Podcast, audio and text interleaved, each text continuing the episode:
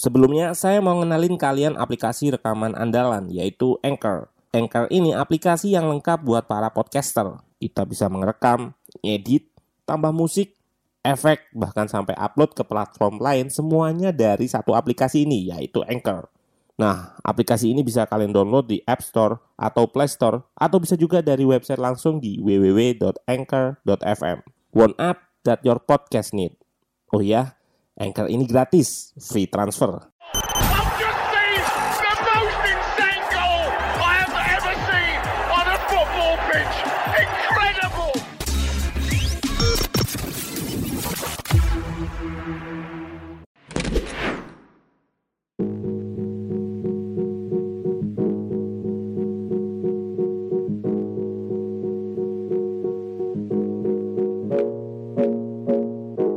Selamat datang di channel Ruang Taktik. Di video kali ini kita akan bedah taktik Barcelona tanpa Messi. Well, dunia sepak bola geger ketika Messi pindah dari Barcelona ke PSG. Banyak yang mengkritik kepindahan ini, namun bagi ruang taktik faktor utama adalah masalah manajemen sebelumnya. Nah, ruang taktik kolaborasi dengan Tiang Jauh yang sudah bahas soal Messi di channelnya yang bisa kalian cek di deskripsi dan cuplikan video ini. Options, Messi. Gets it back. Messi!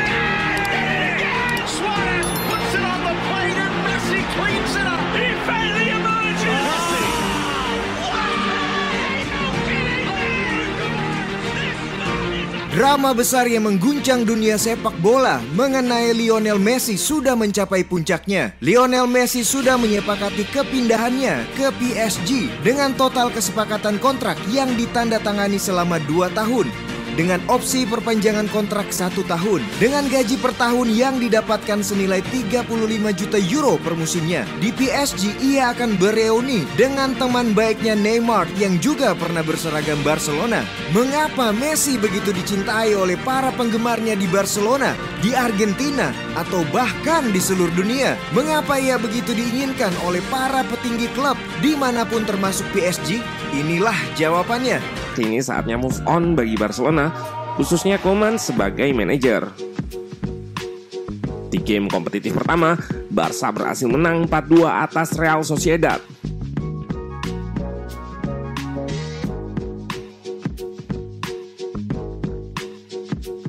Catatan ketika saya menganalisis di awal-awal babak adalah dinamisnya pergerakan pemain dan agresifnya pemain ketika kehilangan bola sehingga bola dengan mudah direbut kembali. Nah, seperti apa detail taktik Koman tanpa Messi? Let's go, kita bahas sama-sama.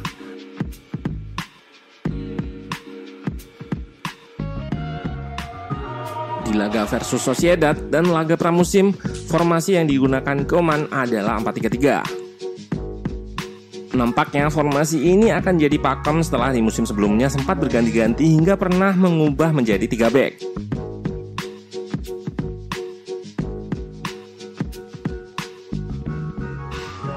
Di awal video sudah saya sebutkan soal dinamisnya pergerakan pemain terutama tiga pemain depan.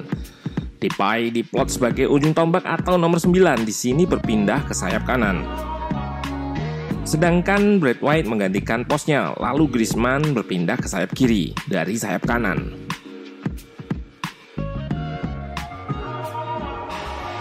Di menit lain, Depay drop turun seperti yang dilakukan Messi.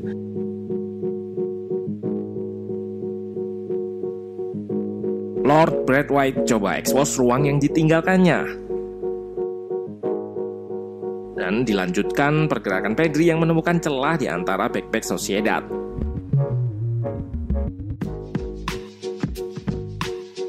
Pergerakan dinamis ini sangat cair, dilakukan secara otomatis dan kolektif antar pemain. Tiap ada pemain yang berpindah posisi, pemain lainnya akan mengokupansi atau mengisi posisi yang ditinggal secara otomatis.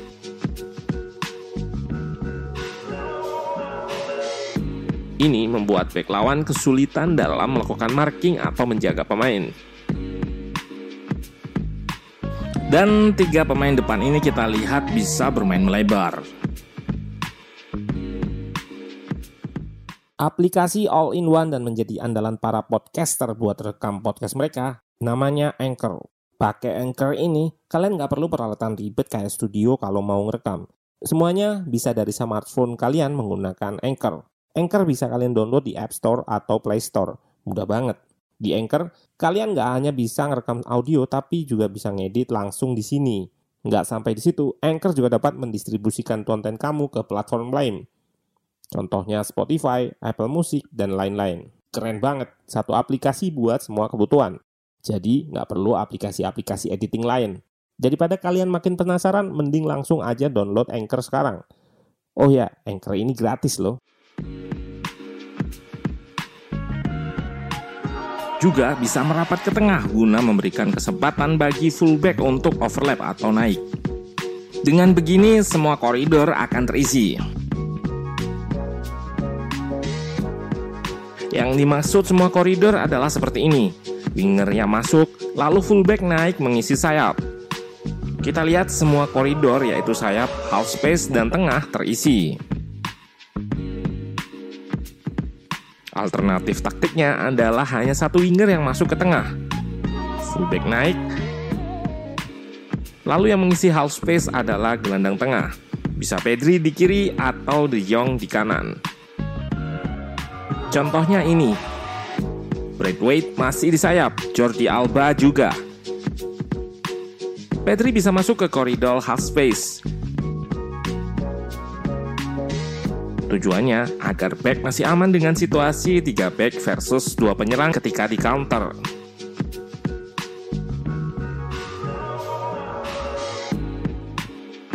Nah, di awal juga disebut soal agresivitas dalam merebut bola.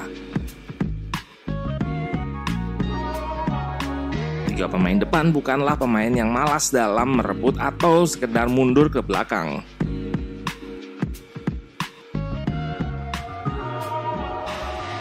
Lalu di tengah agresivitas Pedri dan Dion nggak perlu diragukan lagi. Yang juga ditopang dengan pembacaan bola yang baik oleh Busquets. Agresivitas inilah yang mengantarkan Barca mencetak gol kedua High press tadi dilanjutkan oleh De Jong untuk menyerang transisi. Dan kita lihat pentingnya pemain yang lebar.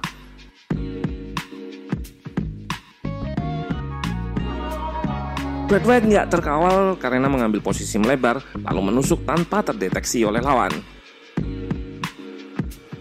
Catatan positif saya soal pemain yang selalu dicap negatif ini adalah work rate atau bagaimana dia berlari tanpa henti mengejar bola.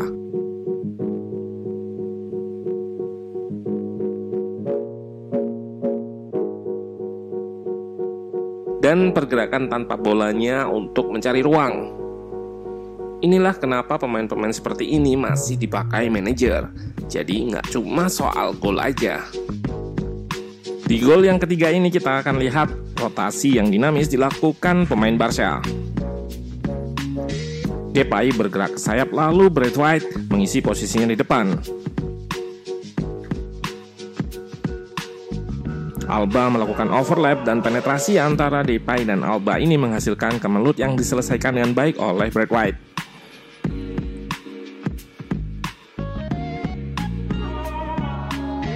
Jika rotasi antar posisi nggak dilakukan, kemungkinan besar gol ini nggak terjadi. Lalu di gol terakhir, aksi Brad White lagi-lagi berhasil bikin kerepotan back-back Sociedad. Dia mengubah kecepatan larinya sebelum mengirimkan crossing yang disambar oleh Sergio Roberto. Gol ini mengunci kemenangan Barca menjadi 4-2 di laga perdananya.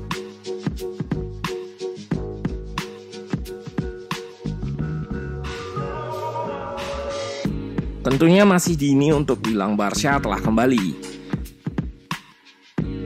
Dua gol dari Sociedad jadi sinyal bahaya terutama dari sisi pertahanan yang lengah setelah keunggulan 3 gol.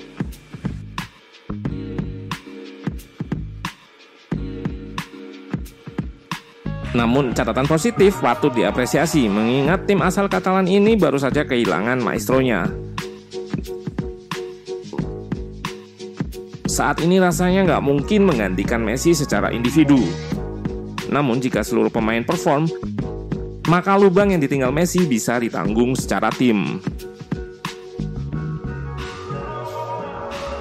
Nah, kita tunggu kiprah Barca selanjutnya.